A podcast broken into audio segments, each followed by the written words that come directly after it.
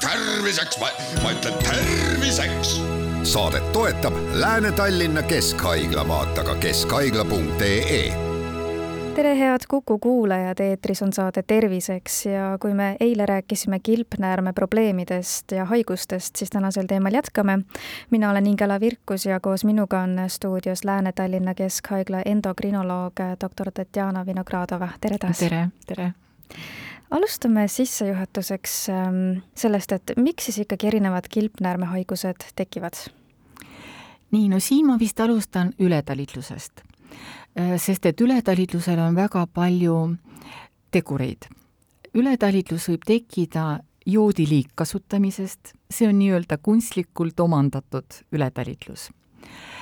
Äh, siis äh, ületalitlus võib tekkida kilpnäärmesõlmest, nii et on üksik sõlm või mitmed sõlmed ja nad vol-, võivad olla hormoonaktiivsed. ja siis seda nimetatakse toksiliseks sõlmeliseks kilpnäärmeks siis teine haigus on autoimmuunne türoidiit, millest me rääkisime eelmises saates, kus on kilpnäärme koevastased antikehad, mis hävitavad tervet kilpnäärme kudet ja seal võib olla kolm faasi, ületalitluse faas, kus lihtsalt vabanevad hormoonid, siis tavaline eutürioidne faas, kus kõik on korras. Ja kolmas on siis alatalitluse faas. Ja nii, et autoimmuunse türiidiidi foonil võib olla mööduv türotoksikoos või hüpertürioos või ületalitlus. siis on veel üks haigus, mida õnneks on vähem, see on Gravesi tõbi või ka autoimmuunne haigus, aga seal on mitmed antikehad. Äh, seal on peamiselt kilpnääred stimuleerivad antikehad ja nad võivad stimuleerida ka silmataguses ruumis retseptoreid, nii et see haigus kulgeb ületalitlusega, kilpnäärme suurenemisega ja võib-olla ka silmpunnisusega. nii et sellist äh, neli või, või erinevat põhjust kilpnäärme ületalitluse seisunditele ja sellepärast ka ravitaktika on natuke erinev. alatalitlusel võib-olla on kaks või kolm põhitegurit. kõige äh, selline lihtsam arusaamine on siis, kui kilpnäär on eemaldatud. selge, et siis on kilpnäärme alatalitlus, hormoonide puudus ja on vajalik kilpnäärme hormoonide asendamine. teiseks kiiritused, kas kilpnäärme radiojoodраvi järgne alatalitlus või siis kaelapiirkonna kiiritusravi mingil muul põhjusel ja sellest siis kilpnäärme kahjustus ja alatalitlus. ja muidugi seesama autoimmuunne türoidiit, antikehad, mis aeglasemalt või kiiremalt, see sõltub antikehade tiitrist või antikehade mm, suurusest, äh, hävitavad kilpnäärme kudet, töötavad, funktsioneerivad kudet ja tekib kilpnäärme alatalitlus. väga harva, kui on kaasasündinud äh, mittearenenud või hüpoplastiline kilpnääre. Aga lastel TSH-d või kilpnäärme tälitlust kontrollitakse sünnitusmajas. nii et äh, diagnoosimata või ravimata selliseid kaasasündinuid hüpotürioose meil enam ei ole natukene te mainisite, aga kuidas need kilpnäärme probleemid endast märku annavad, et millised on need sümptomid, mida inimene tunneb füüsiliselt näiteks? kui on äge türotoksikoos või äge toksiline kilpnääre, siis tavaliselt see on kõhnumine sellisel ebamäärasel põhjusel. inimene sööb rohkem, aga ikkagi kõhnub. seedimise häired, kõhulahtisused, higistamine, palav tunne, pidevalt palav tunne, käed on samuti katsudes märjad ja kuumad või, või soojad, käte värisemine ja kui haigus on kaua aega diagnoosimata, siis üle kogu keha värin. Nii et inimene ei saa täita isegi oma tööülesandeid. näiteks ei saa kirjutada või ei saa, kui ta on medõde, ei saa veeniverd võtta ja käed värisevad, segavad. nii et need on sellised ägeda türotoksikoosi sümptomid. aga kui türotoksikoos algab vaikselt, siis inimene eriti ise midagi ei tunne. ja näiteks see võib äh, väljenduda südamerütmi häiretes või nii, nagu ma rääkisin, seedetrakti häiretes ja nii edasi. nii et siin sõltub äh, sellest, kui äge on see algus ehk et tihtipeale pigem inimene ise selle peale ei oska tulla, et nüüd on probleem just äh, kilpnäärmes, et ma eeldan, et siis ta lähebki lihtsalt perearstile nende kaebustega, et mis hetkest ta jõuab juba siis äh, endokrinoloogi juurde? tavaliselt, kui on ületalitlus, siis perearst alustab ravi, sest et ravi on hormoonide blokeerimine nii et see on türostaatiline ravi, antakse tablette ja perearst võib täiesti alustada. Ja patsiendil on siis aega kuu või kaks kuud, kus ta juba rohtu võtab, ületalitlust juba ravib, aga põhjuste selgitamiseks, vot siis juba jõuab endokrinoloogile.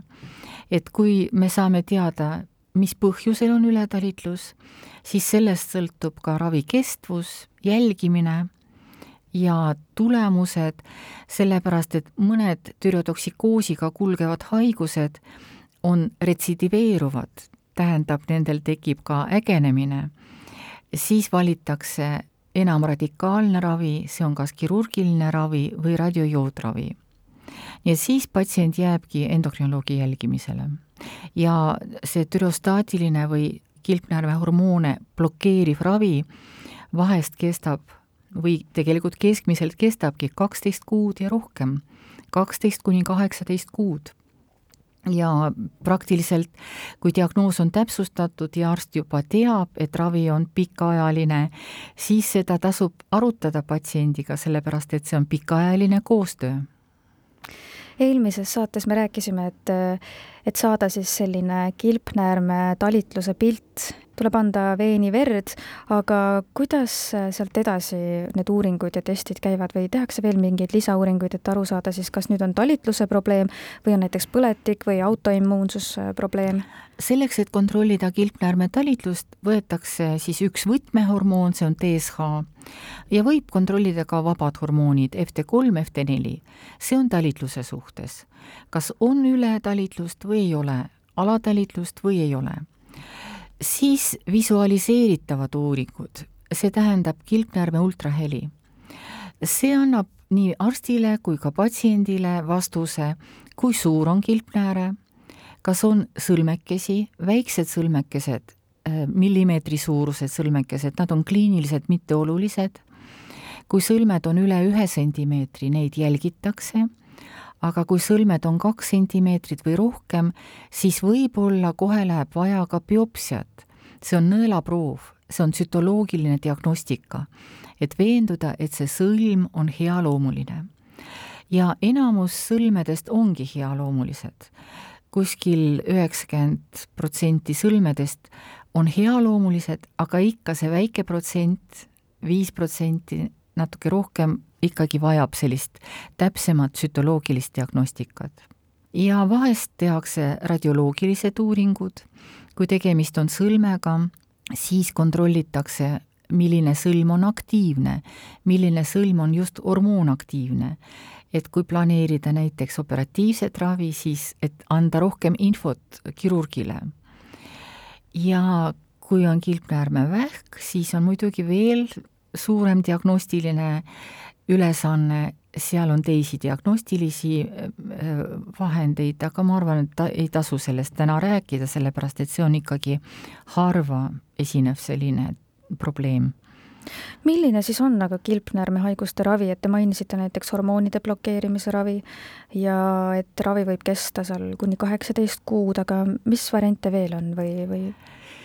nii et näiteks kui äh, see on aktiivne kilpnäärme sõlm, siis ravi kestab kas eluaeg või siis seda sõlme on vaja opereerida või radiojoodiga kiiritada. kui see on autoimmuunne türoidiit, siis ravi, ravi on lühiajaline. ainult ära tasakaalustada hormoonid ja proovida siis ravi lõpetada ja see ei kesta kaksteist kuud, see võib olla lühem periood kui see on Gravesi tõbi, mis on autoimmuunne haigus stimuleerivate antikehadega, siis vot see ravi on kaksteist kuni kaheksateist kuud ja seal on retsidiivide võimalus, retsidiveeruv haigus. nii et kõik sõltub sellest diagnoosist. kui see on omandatud türotoksikoos, siis on küll piisav sellest, kui inimene lõpetab joodi kasutamise.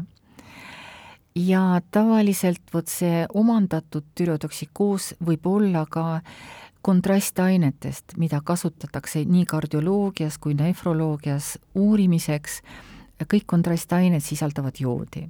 nii et sellega võib ka olla selline väike hoiatus et äh, enne või pärast kontrastaine uuringuid kontrollida kilpnäärmehormoone. Äh, nii et äh, siin on raske öelda jah, sellises üldpildis, kellel kui pikk see ravi peaks olema, aga kilpnäärmehormoone blokeeriv ravim meil praegu on türosool. Kõige enam esinev probleem meie ühiskonnas ja üldse Euroopas ja maailmas on ikkagi kilpnäärme alatalitlus. Ja alatalitlus vajab eluaegset asendusravi. nii et sellega patsient peab harjuma, leppima, kohanema, praktiliselt see ei tekita probleemi ja on väga vastuvõetav ravim. selleks, et asendada kilpnäärmetalitlust, on levotüroksiin või L-türoksiin näiteks kui kilpnääret ei ole, kilpnääre on eemaldatud, siis tavaliselt asendusravi Äh, doos on sada mikrogrammi päevas, aga seda natuke kohandatakse vastavalt inimese vajadusele ja kehakaalule ja siis juba perearsti ülesanne on ainult kontrollida asendusdoosi sobivust aitäh teile saatesse tulemast ja nõu andmast, Lääne-Tallinna Keskhaigla endokrinoloog doktor Tatjana Vinogradova ning palju jõudu ja jaksu teile! aitäh!